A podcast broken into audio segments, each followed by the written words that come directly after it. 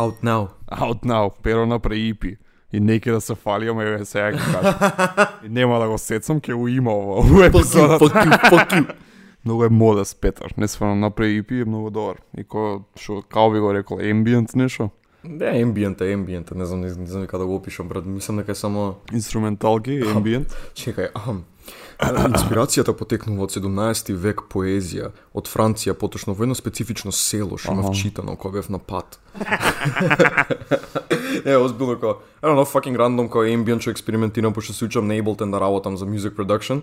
И си реков дека што и да правам, сакам да да на- да ништо да, да пуштам, да релиснам нешто барем као на почетокот за да добиам фидбек и успено да имам нешто готово направено. Да не биде цело време како Абе, ја имам 70 песни, ама немам ништо релиснато. Да, како, у Ableton ја палиш, чуја песна. чуја песна или како ќе ти пратам SoundCloud private link како и толку, ама не. Тоа ми беше целта да пуштам нешто на брзинка, додека се учам уште да добиам фидбек како дали им се свиѓа на луѓе што мислат дека може и да се подобри или како го доживува тоа ипито. И да се ужбам. That's it. Толку. Не, до- се- не се ни сеќам кој ден го релиснав искрено. А, Се дека беше пред некој ден беше. понеделников. Ден што претходниот. недел. Денеска сме 17. Oh shit. Timestamp. Times. 17 сме сега, а јас го аплодирав и го релиснав на 11 октомври. Мислам дека беше 11 октомври. Симулакрум од Сазури. Што не значи ништо, све. Што е из- името. Рандом име. Брат, а ти кажував пред некој ден. Ја не памтев ни како се викам кога го А си го бараш од своето? Сам се барав на, на социјални мрежи, онака се викам, пред да заспим викам и да видам неш views, што имам, како се дешава, да имам лайкче нешто и да си слушнам некои од песни така да се сам да се критикувам. Да, да. Нека викам holy shit, чекај, како како се Као вика? беше? Сазуру, Сазори, Сасуке. С- Беше? Сузуки? Сузуки. Сузуки, Honda Civic. Мицушиби Mitsubishi. и на крај бев ао да, Сазури, ја, окей. Ова не рандом беше. Она random name generator на најдов на јапонски што е ко реков ко 5-6 букви напреми зборчиња и одбрав рандом. Видов дека никој го нема, никој не го користи на Spotify ни на Apple Music, освен еден ропак, fuck that guy, fuck Сазури. Двојката? Да, Сазури копија, иако 2019 ама она копија. Мене првата највише ми така, првата беше таа со басот и тоа. Халци. Да, Халсион.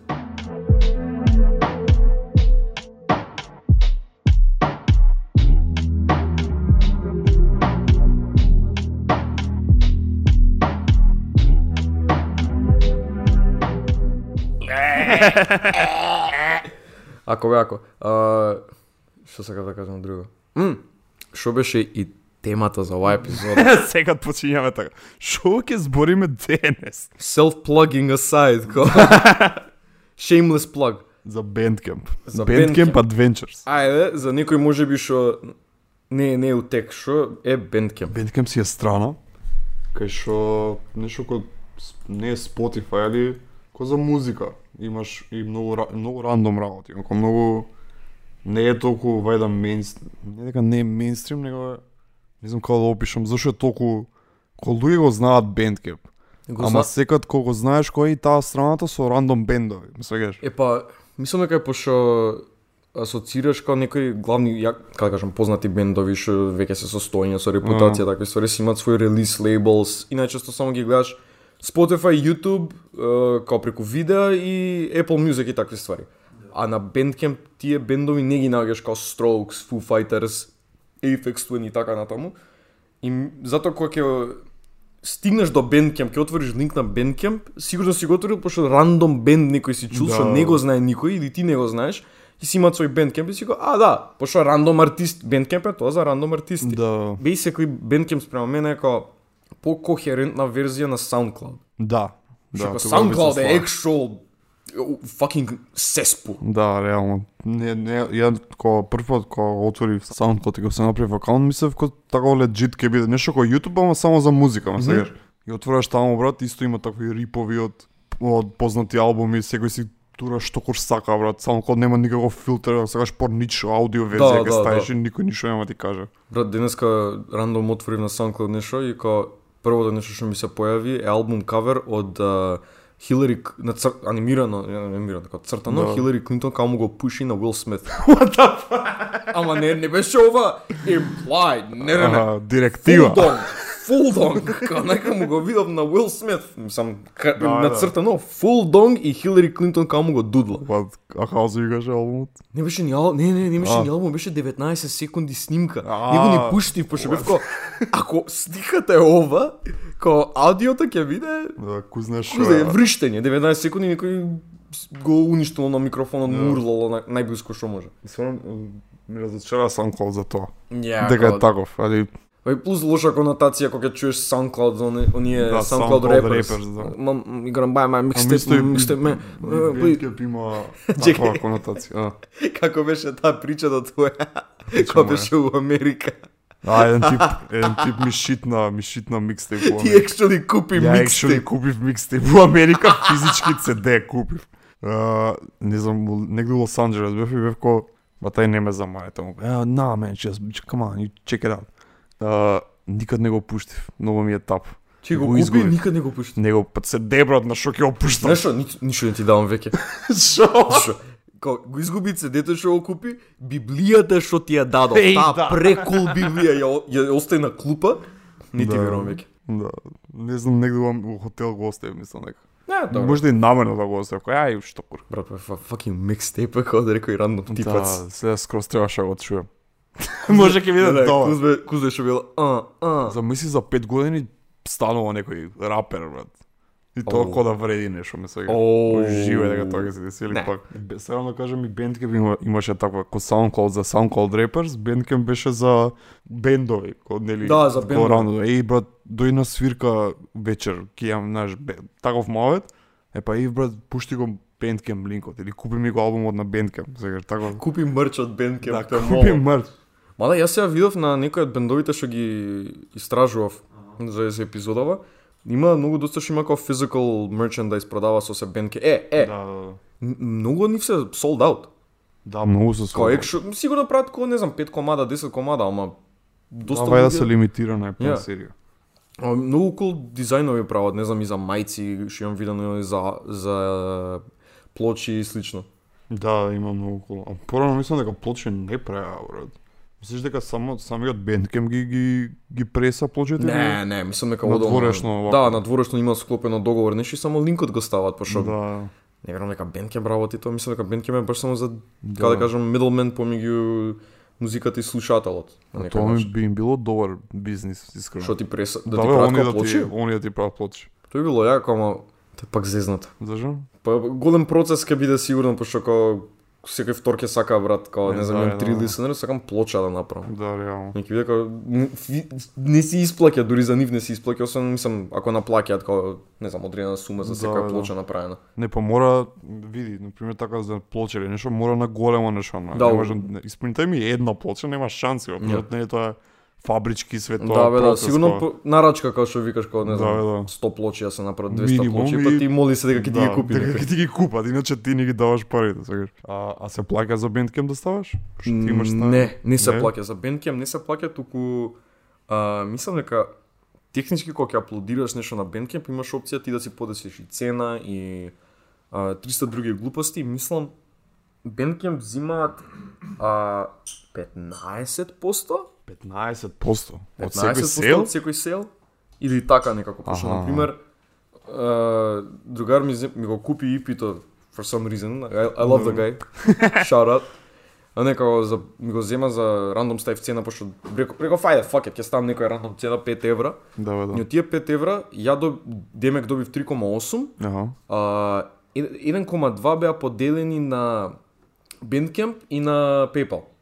На транзакцијата. И само преку PayPal можеш. Да? Тоа е многу зезнато со Bandcamp. What? Нема други начини за транзакции правење за било што мора преку PayPal да се изведе се. А, а ти, значи- па ти како ги доби тогаш? Не ги допив, брат, не знам дали ги немам ни отворено мојот PayPal да видам и дури Епо. да ми слегнат. Да, бе, да. Единото што можам е нешто дигитално да се купам за со мојот PayPal. Да. That's Ама- it. Као нема сигурно тие пари да ми стигнат на сметка, нема како. Тогаш не им се исплаќа на луѓе да стават 1 долар, брат, кој Не им се- што ќе добијат 50 центи. Е, тоа ме чуди. Не си исплаќа да го стават на 1 долар, ама е, они ти ја даваат опцијата ако сакаш. Да, бе, да. Ја пробав да најдам исто на телефон имаат, мислам дека поише опции за search, го сим ја симнав апликацијата. Сакав да најдам од, од Македонија некој брат. Мислам дека ти не искочи иначе. Не, Ама има код ама ги има многу, многу. 100 страни, брат, од Да, да. пример еден тип пуштил 200 албуми, брат, кога гајле ми е добро, го видов еднаш, дај да видам други некои. Ама по албуми ти ги дава, не ти ги дава само по артисти, ме сегаш. А, Што е глупо малку. what? Да, не знам зашто. Може да има да се смени нешто, али е така видов. И има многу луѓе од Македонија, брат. Тоа ме зачуди. Да бе, ги имам, ги има многу артисти, ја тоа што приметив што ги има, знаеш колку DJs ги има у Македонија? Е, па DJ беа по поеќе да беа DJ, да. Миксови што прават, рандом такви да. ствари, као, еве, на пример, кога да Мок Радио што ги гледам цело време нови фичерд ставаат, нови артисти да им пуштаат музика, но така еден момент ги пратев као на социјални Да. мрежи кога ќе најават нешто. Така сум сокол, wow, what the fuck, од кај ги имаме толку луѓе уствари? Да, да. Зимати од странство гости, ама многу македонски диџеи, продуценти имаме, свето кој као хоби, кој сериозен, тоа као actual кариера му е, ама ги има. И плюс за бендови и такви ствари мислам пак, пак ја кажам за почетнички бендови ако немаш лейбл и све тоа или ако не кеш лейбл, Bandcamp си е топ. Да, бе, реално, можеш пари да се добиеш од музиката и тоа Да, е тоа. можеш што- пари, као технички се промовираш со другите социјални мрежи, ги носиш сите преку Bandcamp, као да ти купуваат и да ти кликаат и све тоа. Па реално може да и боја да е поише среќа да имаш поише пари да направиш на Bandcamp него на Spotify. Пошто Spotify како дае ти исплаќа така на според Ти клик. исплаќа, Spotify ти исплаќа, баш сега гледав целиот процес као за да ставиш на Spotify, не е зезнат, ама е не е не е толку лесно, не е као на YouTube, као правиш акаунт, аплодираш песните Да, и ја, готов, среден си. Да. А Spotify ти бара дистрибутер да имаш првично за музиката и не ти дозволува као рандом ти да си ставаш, као под, со твој акаунт само и да аплодираш и ти, ти препорачува буквално «Е, ова се наши као прифатени или као доверливи дистрибутери, разгледај и одбери си кој сакаш да со кој сакаш да соработуваш. Има некои што се за фри, има некои што се плаќаат, као еве на пример ја DistroKid ги користам, што се најпопуларните исплаќаи, као 20 долари годишно се плаќаат така нешто, ама добиваш Што е доста доста ефтино. Да, 20 долари годишно, ама многу бенефици има, као преку DistroKid ќе ставам, речам, аплодирам нешто ново. Буквално пиш, ставам, аплодирам нешто ново. Mm. Бирам дали е албум, дали е EP, дали е сингл, кажам спецификации, дека има лирика, нема лирика, дали е explicit контент, не е explicit контент, што е да. И си бирам буквално на 30 или 40 пла- платформи инстантно или као најбрзо што може да се аплодира и да се Да, да да. се стави. И таму не вклучувајќи Spotify, YouTube, Apple, Instagram, TikTok, Facebook Music, све од све имаш као Да, опција. да. И од кога направиш тоа све, кога иде кога имаш на Spotify ти кажуваат као дистрибутер дека најчесто пејаутот е на 3 месеци. Добро. За Spotify, пошто Spotify многу е поспор за пратење, на пример, viewers, listeners и такви ствари ги аптейтира секој 3 дена, Аха, 4 дена така нешто. А пејаутот се после 2 до 3 месеци од кога нешто си пуштил.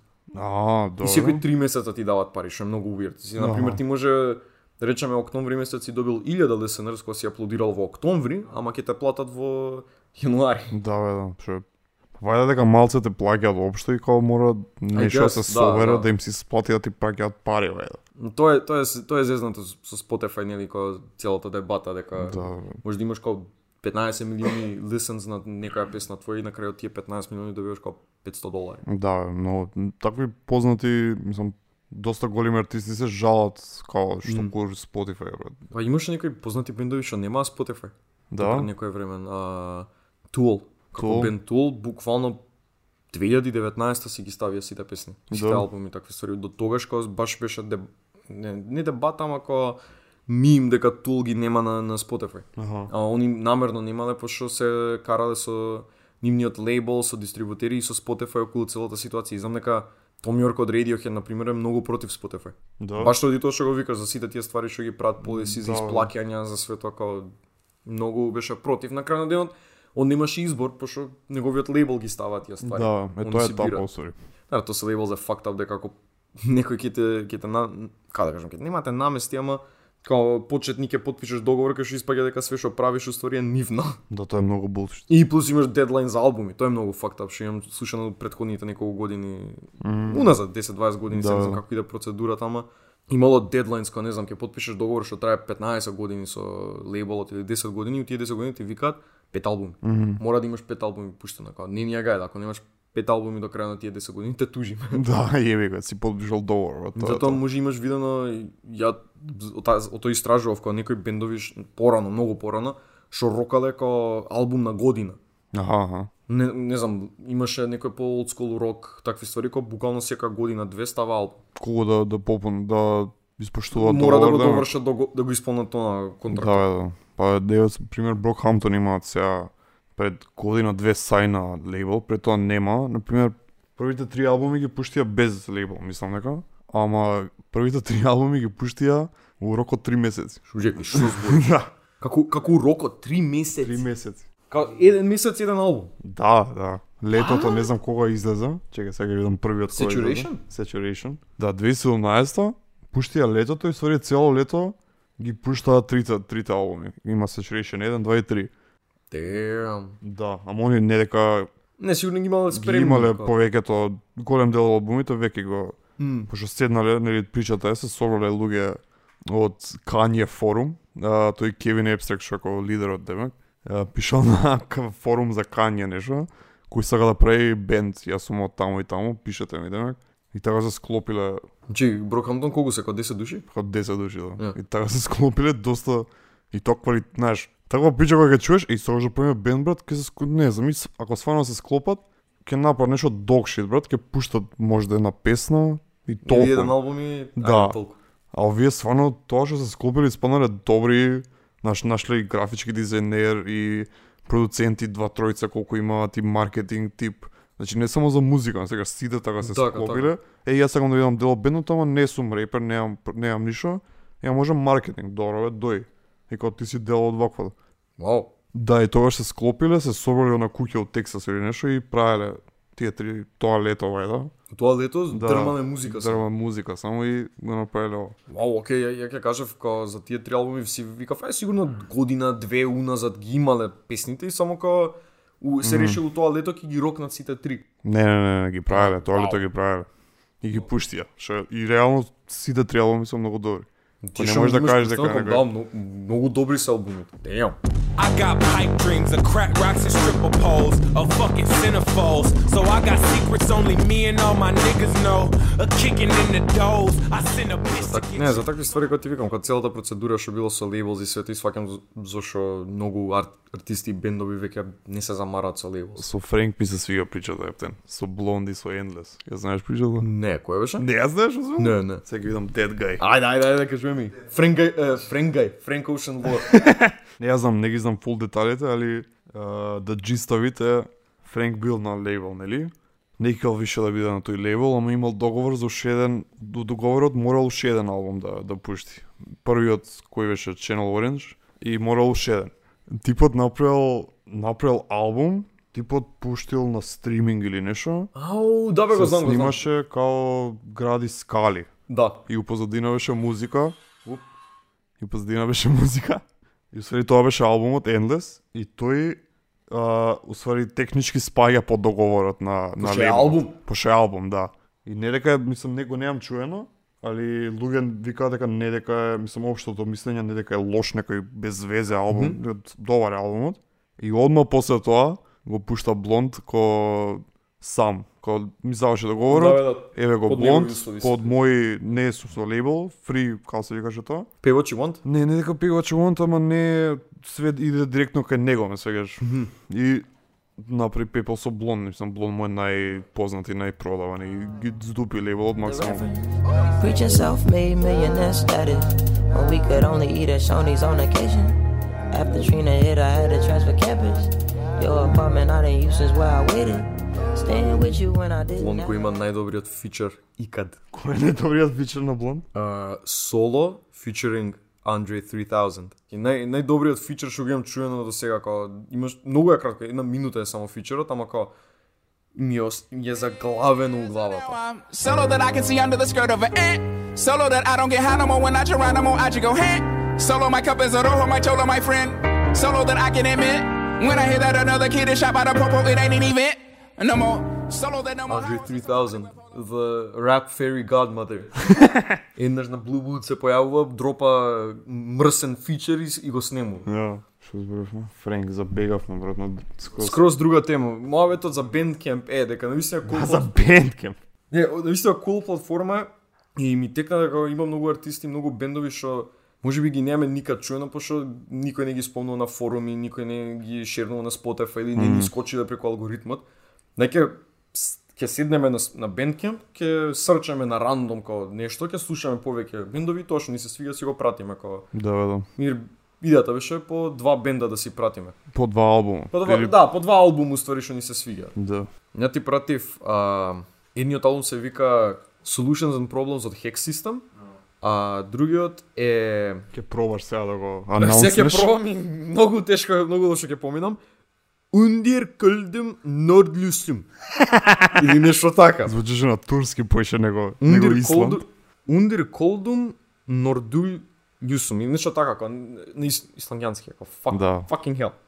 Не можам да го прочитам. Ама артистот, значи за првиот албум артистот е Hex System, за вториот албум е Кайлен Микла. Кајден Микла, да. Што има феноменален арт и тоа го зборам кога од кога му го пратив на Андреј, кога многу ми се свига. Да, реално артот е пепел. Као легит е еден од најдобрите албум кавери што ги имам видено. А, И ово е интересен на другиот. Да, кул е. Тоа ми фати око одма као многу интересен дизајн им- има направено. Да, ја реално поише, например, ја вториот што ти го пратив, ти влагам у мојот, али поише ми, поише го кликнав ради артот него. О не, на Леси, Леси е добар арт. Мада на, на другиот албум името ми се свига ептан. Do you like salt? Да, се вика Do you like salt? Да, ја, е, па овој поише го кликнав ради името, а овој ради артот. Мојата мојата перцепција first impressions за овие Hex System го имам откриено преку а, јутубер Добро. што прави као на MS Paint прави анимации. Да, Да, на MS Paint. Вика Умами. Може го имаш гледано, може не. Ти препорачувам да го пуштиш, многу е добар. И го, го открив од едно Hex System го открив од едно видео на Умами што беше basically мрачен 80s ретро снимка од Роналд Макдоналд како вози по автопат у неговиот бургер мобил. Добро. и оди на кај на кај Sunset и као што иде покрај речињата, му искача као Макдоналдс. Да, добро. и почнува да плаче. А, А позадина, као позадина е саундтреков на Hex System и како what the fuck е ова, зашо е толку добро, зашо е Роналд Макдоналд као плаче? Е најакото нешто што го имам видено периодов. И од таму као баш имаше линк до Bandcamp на артистот, као може да е он. Не сум сигурен, но може умами да е Hex System. а, мислиш дека е онда? бе? Може и да он, не сум сигурен. Таму почна да го слушам онака периодично као бу- пошто ам, ам, амбиент музика, као навистина за Да. пополнување празна просторија додека нешто работиш или таков муд ти е за да, се- да се пијанчиш само кјоше. Да, да. Тоа е тоа е мудот. Ти кажа за за ко за видеогейм нешто, ко waiting rooms или такво нешто А, игра. не, не, тоа беше е друго? Не, тоа беше другиот албум? Survival Spheres, што сакав да да ти го што ти го пратив од 100 да, песни. Петар ми прати албум со 100 траки од него. 100 траки и секоја трака по 6 минути минимум. Ама добро, Survival Spheres беше многу cool, као само наистина као албумот е канцер. Канц. Требаше да сватам дека нешто има кога му се викаше тоа и тоа Volume 1. Не, Volume 1. не албум 1 или нешто, не, Volume 1. Имаше три волум, volumes. Аха, аха. Ама тој бил стварно нешто за за нешто такво направен, така или? Не бе, типот уствари реп, uh, Survival Spheres basically реплицираше е, музиката од Resident Evil, Silent Hill и такви ствари, кај што О, пошто да. тие игри се направени кај што имаат save rooms, као влагаш у посебна соба што си за заштитен од зомбињата, демоните, духовите, шо и да е, и таму можеш да сейвнеш играта, да купиш ајтеми. Аха. И секој пат музиката во тие соби беше многу chill, ambient, многу онака да те, да те смири, тоа беше намерата као од хорор ово она. Да, бе, да. да. Влагаш у собата, декомпрес малце, па продолжуваш со играта. И типот го реплицира тоа со неговата музика и многу кул испада, не знам како да го пишам. Ама да, многу е, многу е, 100, 100 песни. Не буквално, не се заебаваме. 100. 100 точка. Последната е In Desolate Harmony. 100 трака.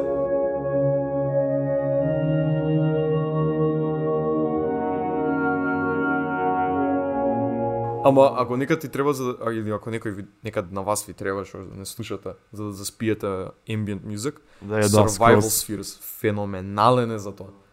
И другото, значи Hex System го спомнав, Каен Микла. Е, Каен Микла, искрено ради артот ја кликнав, пошто многу ми многу ми се свигаше, као god damn. Не, не, не, I can't overstate као колку е добар артот. а, И кој чувбев ко, по- не знам, првите песна две ги пуштим, викам, "М, it's okay, ова, она, I get it до негде, ама... чека, ова е една типка. Една типка, една типка. И типката ја најдов под постпанк, хаха, Не. целата дебата дека Да, дека све е етикетата е пост-панк. све пост, све се става постпанк, ама ја, као многу многу се воодушевив искрено од албумот и знам дека не е баш по твој стил, ама бев као I had to share it. Мислам, дај Боже да ти се свиѓа. Да, не, овој ми се свига. Мислам, овој поише ми се свигаше од другиот, али другиот ми се свигаше, не дека не. Мгм. Али овој поише, например тоа што ти зборев преска, ти кога ми опиша овој хекс, вика? Hack system. Е. А, да го изгас. А Solutions and Problems.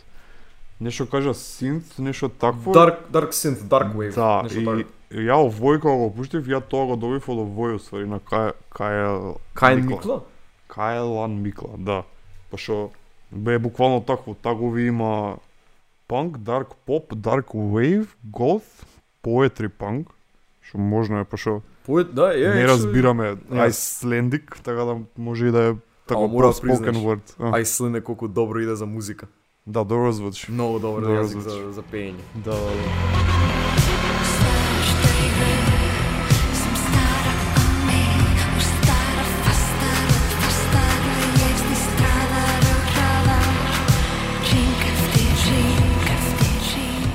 Дали многу е чудно кога не разбираш некој што пее. Кога не разбираш, Кога не го разбираш јазикот. Не ми се ми кога те те вади од од ваквото. Кога не можеш скроз да го Да, не можеш скроз, пошто има многу поразлично кога на пример ја пратиш лириката на на песната и, на, и додека слушаш сваќаш што што пее да, артистот, да, да. ама кога го, ја слушаш музиката на јазик што не го знаеш, ствари мене ја па и и тоа е посебно искуство. Да, е па тоа, да. Различно е, али добро, не дека е лошо. Ја сам главен пример се Рамштайн, затоа сите многу луѓе ги слушаат Рамштайн, а немаат благе везе што пеат. Да, да, да. Чекај, читам нешто за за The Cure. Ха, инспирација и се The Cure. Роберт Смит, Роберт Смит. Robert Smith, the frontman of the immortal band The Cure, is a big fan and has booked Ka- Kyle and Mikla to play at the various festivals he has curated, Oh shit. alongside iconic bands such as Pixies, Slowdive, Deftones, Wow, okay. as well as having them solely open for the rock band Placebo. What? Брато, вие биле... Damn, окей, Биле овие... познати уствари. Да, Кајлан Микло не биле заебанци, окей. Се осеќам секој ропак што непрочуени бендови, онака, никој не ги знае. Не, ама реално се рандом од, од, од Исланд се откако нема не се толку универзални, Да, сегаш да. пак пеат на пак е лимитирано тие што ги слушаат. Тоа сега да почнам преска не е- негде почитав, негде го почитав се у, у таговите, али почитав негде synth punk и тоа ми се свигаше Synth као лейбл на на типција, пошто баш се тоа. Па може да се да се про, да се пробуричка, најдеме нешто synthpunk понатаму. Да, може, може. Ти вика ми се свига поише под дарк естетика и све тоа од ова, ама да и овој and Problems имаше некако не беше толку wholesome колку што очекував. Пошто некако амбиентална секад ми иде или е амбиентална или ми е тоа на Epton Dark кај што е не знам Horror esque. е, е хорореск или ми е таква по не знам она игра на како се викаше Animal Crossing. Е нешто такво. Некоја Wholesome. Да, wholesome. А овој ми е беше некако и wholesome и ири у исто време. Ако не крипи, ма ири, онака... Не, ме- ме асоцира одма на на 80s. Као На 80s? на Не. 80s на некој начин, ама као стилот на 80s, како да кажам? Многу од овие бендови што зимаат synth, he, synth heavy се и такви ствари, го зима некоја инспирација од 80s synth и такви сања. Mm. Музиката не можеш да речеш дека би, некој ја правил во 80-тите, Добро. ама го зимаат вајбот на 80-тите да ти го евоцираат Да. во музиката. И ова е тој моментот што ти зборав пред некој ден кога кога ги слушаш, си као у тие екшен филмови од 80-тите со Арнолд Шварценегер, Силвестер Сталон, такви ствари кај што главниот херој нели набилдан вол седи пред прозор и гледа како врне дожд, вози, добро. нели, вози кола низ дожд и тако мрачно е све. И Аха. го тоа е саундтрекот, тоа е вајбот што го добивам од вакви ваков стил на музика. Ја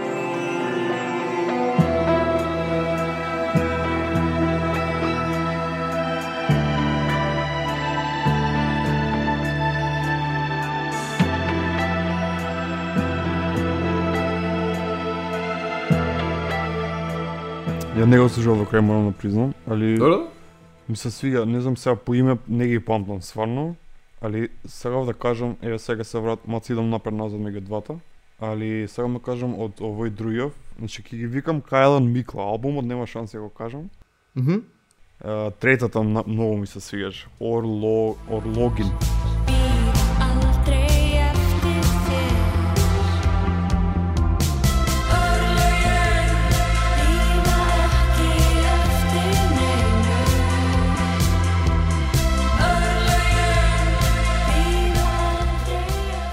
текнува. Мене, на пример, најмногу ми се свигаше uh, Sword Augu, првата.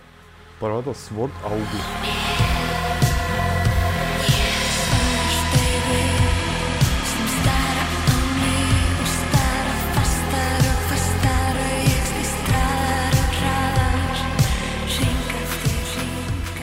Augu, кога таа пошто има малце зизнато на Bandcamp, он, uh, како артист можеш да специфицираш која ќе биде првата песна што ќе се отвори кога ќе го кликне некој албумот. А, да, да. И на пример оние има ставено втората или четвртата песна. Ја после кога почнав од почеток, рандом кликна, викам ајде го чуем целиот албум. И си, си истрипав, викам, холи шит, колку е добра песна, ма ми, мисля дека е пета, шеста, кога гледам ствари тоа ствари е опен. првата, да. да. Е, тоа не го знае, усвари, дека не е првата сега. Јеп. Ше ја овој као, и добра, добра... И од твоите, и од твоите, uh, Do You Like Salt, мислам дека втората песна отвара. Не е првата. Не е првата, да. Не, а, третата, Perfect World. Да. Да, тоа е добра, мислам, добра фора е да си местиш, али зашо не би сакал првата да биде? Па можеш да ја ставиш кога на прво место таа што мислиш дека е најрепрезентативно на твојот албум. Да, освари, да. Као singles, Singles, право. да. Ја. Singles не е секад првата трака. Ја. Може да имаш добар опенинг, ама да не е ко сингл врди. Да, и не знам, кога почна да пеат, некако бев као, не, пошто ич не гам такво пење. Мислам, не ич него, некако ми е здосадено. веќе. Оператично Порано го- женско пење? Да, порано го сакав такво помелодично.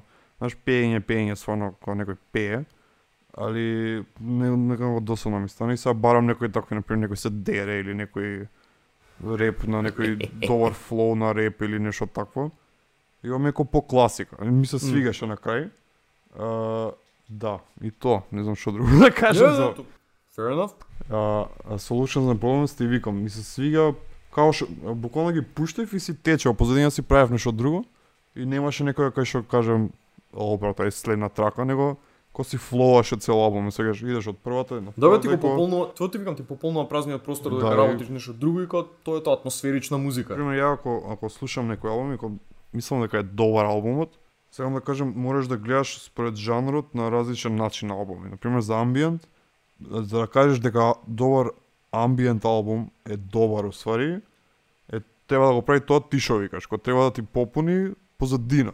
Ја. Може и некој да, знаеш, активно да го слушаш, али, например, ако пробаш албумов активно да го слушаш, мислам дека ќе ти се досади.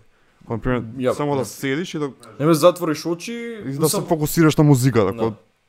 Океј, интересно е, да, али многу боље функционира као позадинско, нели? И Тоа е усвари добро, не е лошо. Тоа само да кажам, нека не треба да го гледаме као лоша Ја, ствар. за, мислам и затоа таа етикета е ставена атмосферично или амбиент, као баш за таа таа цел е намената и како што викаш, има наистина можеш да седнеш активно да ги слушаш, ама повеќе во да вие бендови, артисти што прават таква музика не е за тоа намената. Mm. Мисля ќе ти се здосади, нека нема ќе скипаш цело време, ќе менјаш. А вака на пример ќе го пуштиш ово позадина да си рока у соба, Да, бе, ти да. си готвиш, ти не знам, си седиш, нешто чилаш, читаш книга, правиш што сакаш и кога М.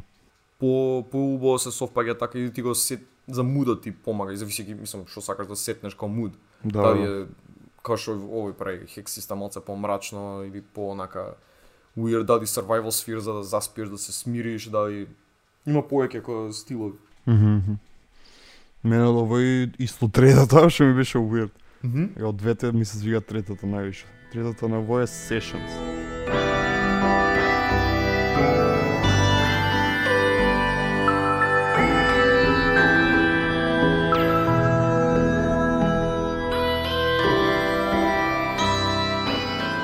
Ти знаеш некој или не ги, не ги помтиш по Не ги памтам по име. Вакви вакви албуми наистина не ги памтам по име песни, така флоу е директив од почеток до Да. крај и толку. Не дека и ја, него буквално пошто сега... Само го беше како ева ми се свиѓа. Да, да. Збориме за сега. Uh, do you like salt? Овој го најдов на Bandcamp. Значи, срчот на Bandcamp ти е според uh, жанрови што е кол. И викам, ајде да видам што има у uh, Alternative. И кога кликаш на жанр, на пример, Bandcamp ти На почеток ти дават 4 албуми ко топ пикс for the недела или месецот, мислам дека. И овој беше еден од нив и ми се свигаше името. Do you like salt? Do you like salt? И артот исто ми се свига на овој. Да, многу е Двајца седат од дайнер и истурат солт сегде и се да се покриени со солт. И ова, ова, ова е јака детал. Ова е наопачки, пошто А, е пошто демек сајнот, да, да, да, да. се дайнер. Тоа е јако. А бендот се вика Бренда, ама се пишува БРНДА. Пренда? Така се пишува, али се чита. Бренда, мислам дека. Да, овие се арт панк нај нај нај би кажал дека ги опишува. Имаат од тагови панк, арт панк, инди, инди рок, дженгл поп. Што ми се свига како име, како дженгл, како дженгли. Ха, ја. Пост панк исто и они го имаат Секако дека го имаат постпанк. Па реално може може да се каже дека се пост панк, што го. Да. Да, негде, да, да, да. За, за овие важи постпанк, би рекол, ја, окей, ова е Да. actual постпанк. Да, али поже ми се свига арт панк ко ко ко. Ја. Ја Во- почнав да сваќам дека артпанк ми фаќа повеќе на Ти жички. фаќа, да, да, да, а овие не знам се такви клад алтернатив, басот е таков, не знам убава гитара. Вокалите се чудни, пошто ни една као повеќето од песни, а исто кул на Bandcamp можеш лирикс да гледаш. Не на сите, на пример некој што се става можеш. И повеќето од лириксот се буквално рандом Трескање. Рандом да. булшит, да. Сигурно има нешто ако стварно гледаш или имале некоја намера. Е, да, не знам од овие, од овој многу многу песни ми се свигаат. М, Perfect World ми се свига.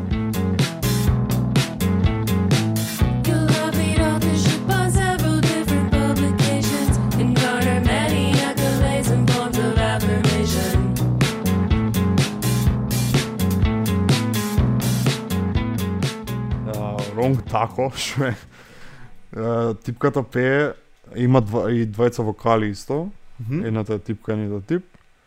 Да, за Wrong Taco типката пее као отишла да нарача на стрит вендора на од комбе тако и после му се деле као и му е утнала нарачката. Excuse me, sir.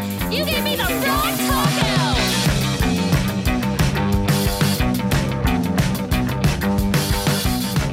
Многу рандом мимиња, на пример, Wrong Taco кој еден. Деветата трагам се вика George the Lobster. И нема ништо поврзано со лобстер, ниту George у лириксот. Па Нема- Джордж the Lobster.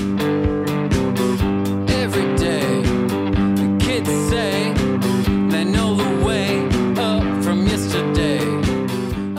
Да, ама така се Многу вика стана така. името сигурно кога Да, бе, да. така им било им тртнало. Тебе ти текна некој или кажи што мислиш за албумот општо? Мене албум многу ми се свигаше, но мислам како не, не, некада не, не би рекол generic, туку би рекол како I get what I bought. Добро, да, да, да. очек- о- Очекував нешто панки, нешто такво енергетично, тоа го добив. Да, Као, да. Искрено имаше една мислам дека само Perfect World. Е, Ептен ми се засвига, како специфична, другите по флоу ги слушав онака.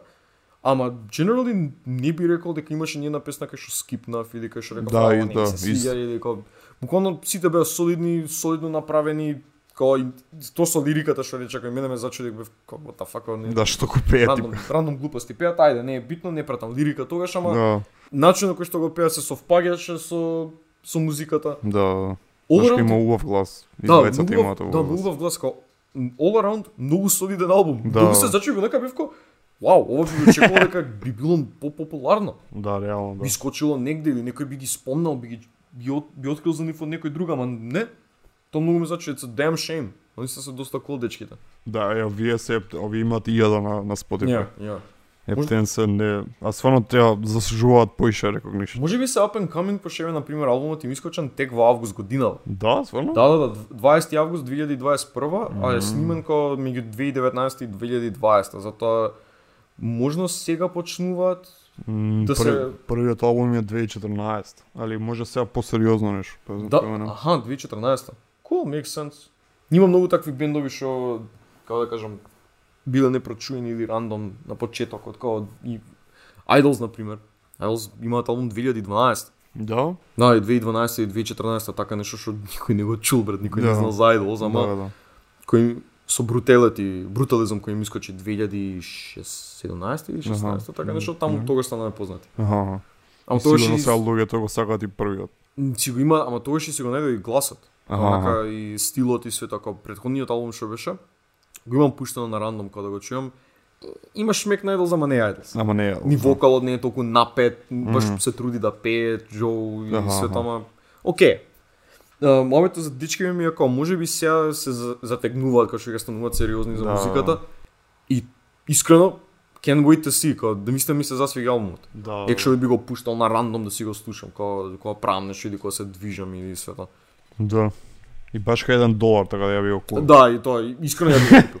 И тоа, другиот е The Golden Age of од Леси. Ох, Овој тебе почна да си кажеш Не, не, не. на почетокот прво, па после ги смени Е, така. баш кога кога ти зборев пред некој ден дека за за дечкиве кога поеќе like, uh, поеќе ми се дека like salt ќе бидам као е глупо е Да. и Леси ќе ми се свига пошто Леси пуштив две-три песни онака како да ги чуам и в- вчера или денеска се нафасално да ги слушам двата албума. Honestly, do you like salt боље. Да. Као Леси албумов а, имаше добар старт, као да речам докај пошто 15 песни се, Да, ова е подолг.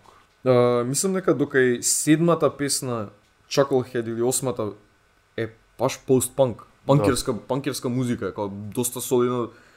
Немам, немам некој поплаки да речам, као Run of the Mill окей е. Да. И одеднаш, вуп, се менјаат скроз, почнуваат chiptunes, 8-bit sound effects да користат, нешто као, као да игра да искочи old school. Да. И многу ме збуни, као... А искрено не, не беше ни спрема мене добро направено. Аха, добро, добро. Uh, да и мене ме зачуди тоа. Не знам, може uh, да тоа што викаш многу нагло беше. Не, негде таму да, 7-8, почнува такво нешто. Lesson. You learned your lesson, David. You learned your lesson. You learned your lesson. You learned your lesson, David. Или може болje би било од нивна страна кога да ги измешаат, например, прва панк, па втора више влагаш од тој малце Видеогейми малку. што и да е, па после па- или нешто такво, пошто вака епте неко два албуми склоп Или споени албум да заедно. направиш. Да, или после направи посебни, да. Вака е кој само шклап песни стаени во еден албум. Да, кој албум цел не е толку добар. Ја. Пример, првиот е стварно консистент, како се вика. Да, првиот дел на е консистент. А овој е малце забегува. Ја не ни го изслушав до крај, искрено. О, ја, ја го изслушав, ја До го крај, до крај? денеска, да, да. Стигнав последната песна, сакав да, е- да е, ако може физички да ја фрлам од прозор, од прозор ќе ја фрлам. Uh, Cutie- Cutie Enhancer. Да, Cutie and Hansen.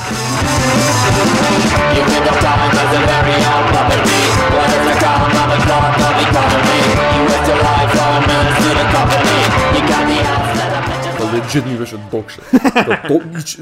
Онака, кога стигнав на втората половина на, на албумот, А, Бев као, what the fuck е ова, ама ајде ќе го слушам, слушам, слушам, слушам и као само почна да живци да ми се да ми се Да, да, да, кинат, да, онака да. се нервирав кога го слушав.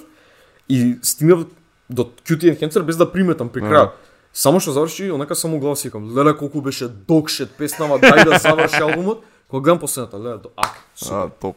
Сум, не знам како успеав да, да ги слушам сите тие останати седум песни, како брзо помина, ама мерак ми е дека завршија. И си викаш што ми прати Андре, бе, зашто ми го прати Не, не, се, се разочарав за ова, као наистина као првата половина многу ми беше окей, као ми се свигаше, не би рекол многу ми се свигаше, ама беше солидно. Да, бе, да. И вториот дел комплетно shit the bed и е, Да, јеби го.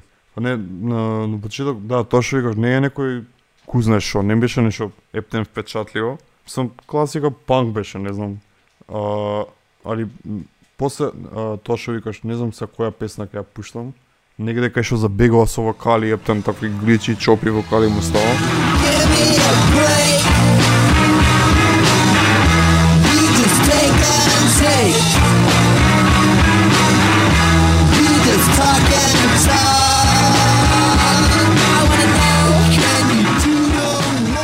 Тоа ми се свигаше и после морав нешто да правам да искочам и него дослушав до крај никот.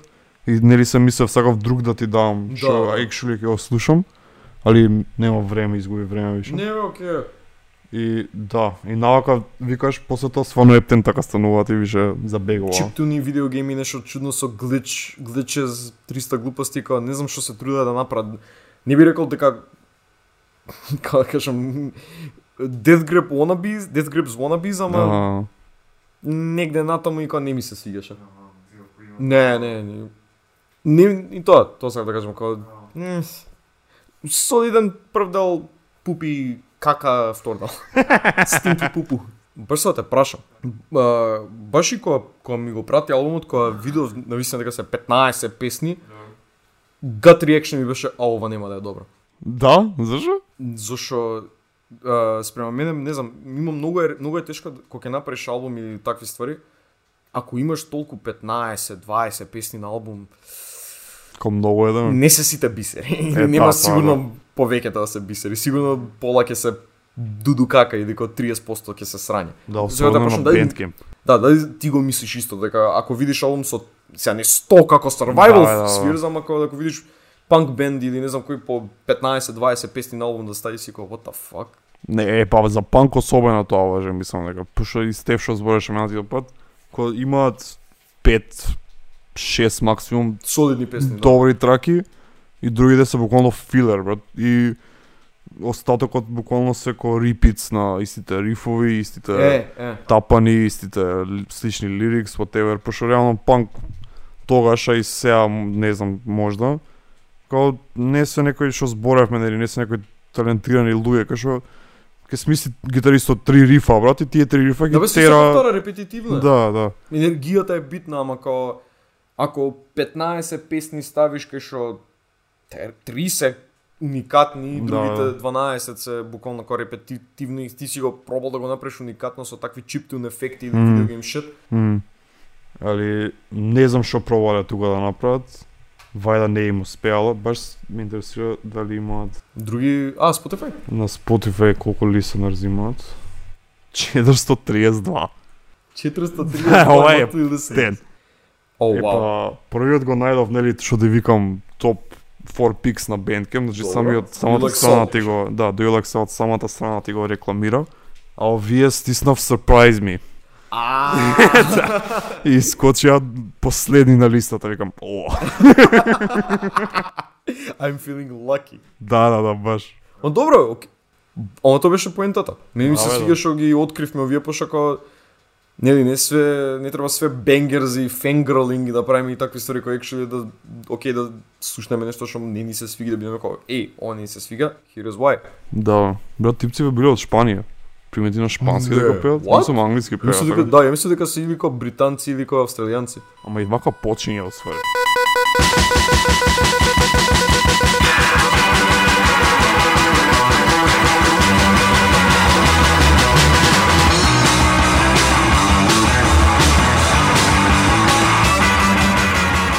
Леле, да. Леле, да. Почиња со таков.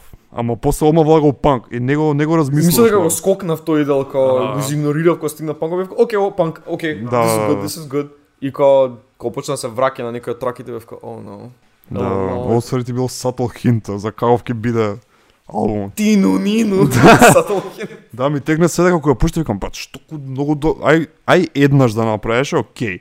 Ама многу долго брат, викам, ајде бе почни Брат, више да ти го. пушти мисля дека на мојот цимер лаптоп ќе му е Кога си извадив од памет тину, нину. И тоа. И мојата со усвои ние за вакви работи можеш да дознаш.